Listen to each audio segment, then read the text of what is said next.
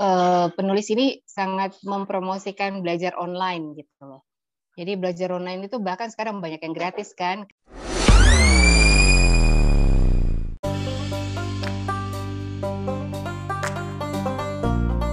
Aku lama banget gak baca buku. Terus uh, akhirnya mulai baca buku lagi, terus ambil buku satu dari uh, internet namanya Mindshift gara-gara yang ngarang itu uh, namanya Barbara Oakley.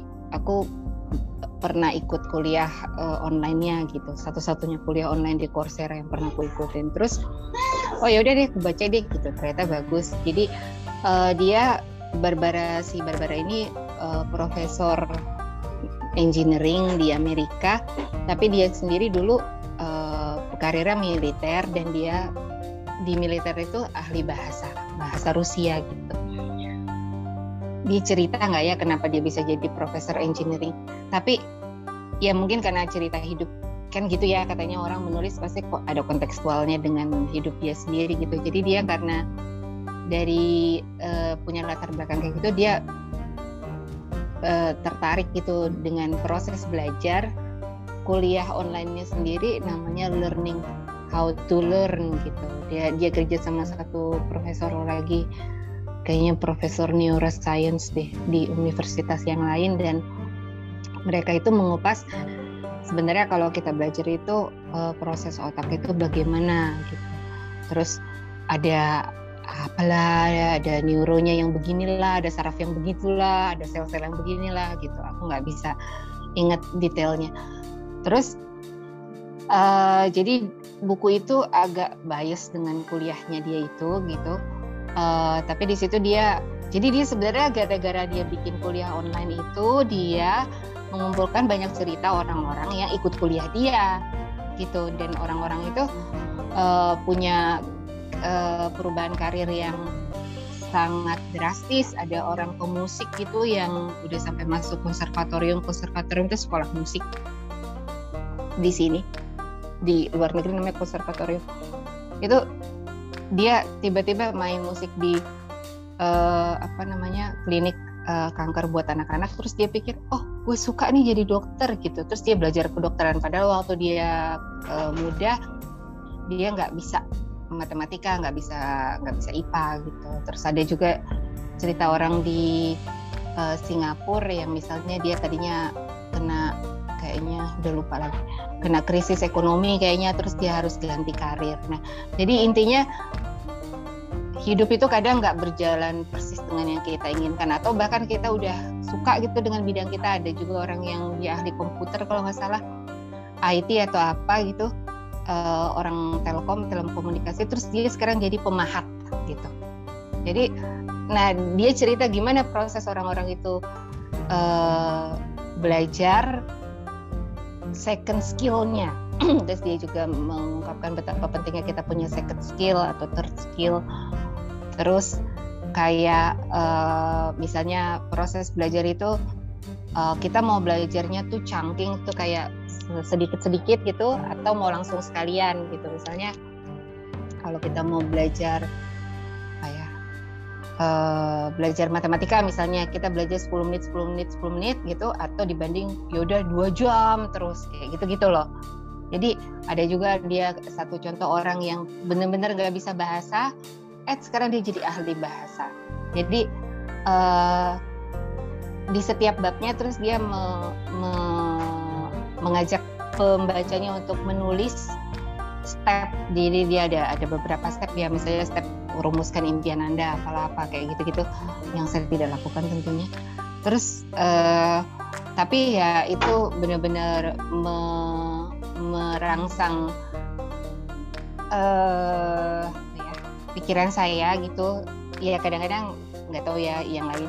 Kalau saya tuh udah agak terjebak juga dengan pe, pe, pe apa pe, terjebak dengan kenyataan bahwa saya ibu rumah tangga gitu dan saya nggak bisa berkarir di sini kebetulan karena anak-anak nggak bisa ditinggal kita nggak punya saudara terus uh, masalah kayak kesehatan kayak gitu-gitu. Terus kayaknya gue ngapain gitu loh gue berkarya ngapain gitu. Jadi uh, tapi meskipun sampai sekarang itu masih pertanyaan buat saya tapi membaca buku ini itu kayak oh ya ya there are possibilities gitu loh. Kita masih bisa belajar. Dan si uh, penulis ini sangat mempromosikan belajar online gitu. Jadi belajar online itu bahkan sekarang banyak yang gratis kan kayak kayak di Coursera kayak gitu gitu loh. Jadi salah atau atau bayar yang bay yang bayar tapi nggak semahal course benerannya atau kita nggak usah harus ke universitas langsung gitu. Jadi uh, ya itu membuka wawasan sih untuk melihat kita masih punya possibility dan sebenarnya otak kita meskipun kita kadang percaya oh gue udah tua gitu udah nggak mungkin. Itu masih bisa gitu. Kita masih mereka tuh punya mekanisme untuk belajar lagi hal-hal yang bahkan kita dulu pikir saya nggak bisa sejarah, sejarah ya. Kayak kayak misalnya saya waktu waktu waktu sekolah kalau saya mau ulangan gitu saya tuh nggak akan belajar.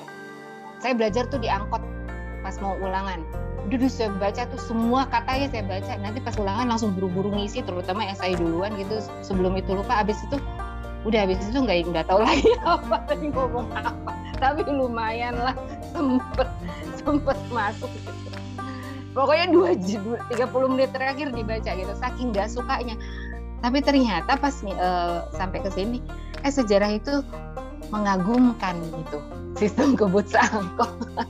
Jadi uh, jadi ya gitu uh, paradigma kita ternyata bisa berubah Iya kak itu kayaknya uh, kelasnya.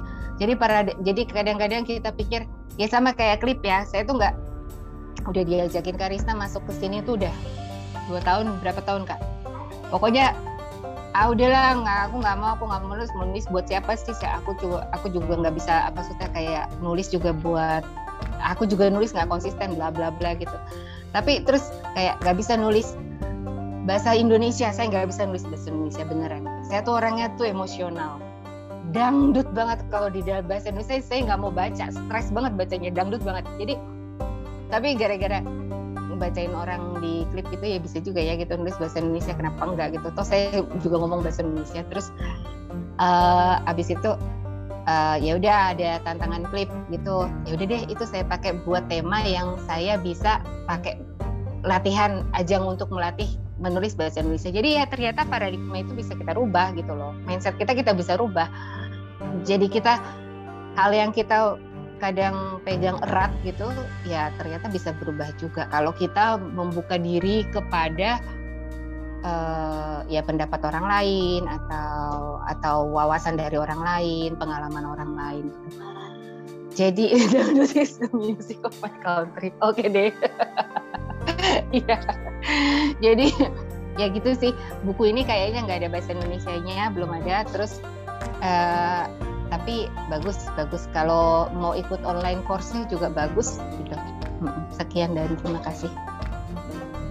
Ngambil tuh kelasnya tapi nggak lulus. Eh bukan nggak lulus, nggak ngerjain tugas terus nggak didengerin, nggak diterusin. Biasa deh.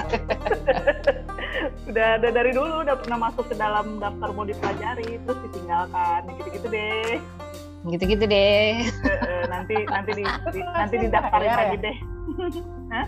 Enggak, itu itu kelas gratis, tapi kalau mau dapat ya, gratis. bayar. Gratis. Hmm. Kalau ya, kalau kita mau ijazahnya kita dibayar Tapi kalau ikut kelasnya gratis. Banyak kelas di Coursera yang kayak gitu kan. Ya, itu gratis semua. Jadi uh, ada dia ada cerita ada satu orang India.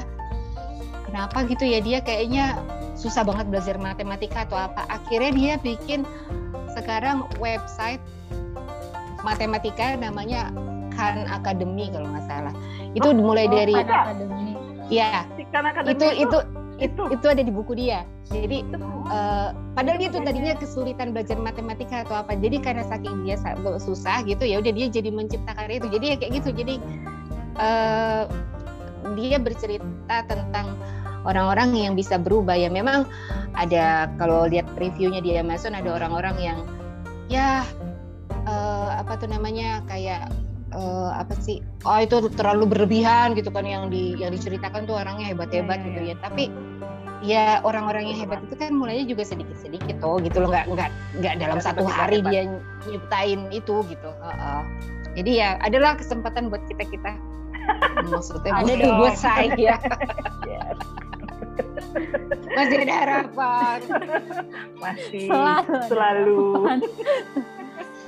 aduh kita tuh dari mulai mencari makna hidup sampai aduh ke mana-mana banget sih hari ini.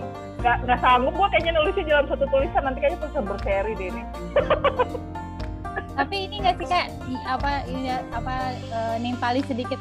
Sebenarnya juga ada pengaruh teknologi nggak sih? Maksud aku kayak ibu profesional ini kan sebenarnya akhirnya di ada banyak yang ikut karena yaitu membuka kesempatan siapa pun untuk belajar gitu ya. Entah itu yang dulu sejalan sama latar belakang pendidikan dia ataupun enggak gitu. Dan sekarang kan teknologi ini membuka banget kesempatan gitu kan. Jadi kayak aku nggak ya nggak kayaknya sekarang nggak nggak tahu nanti ada ada anak desain yang marah lagi. Nggak perlu belajar desain karena Canva gitu kan. Semua yeah. itu selesai dengan Canva gitu. Dan itu yeah. bikin bikin kita semangat belajar gitu karena toolsnya banyak. Gitu ya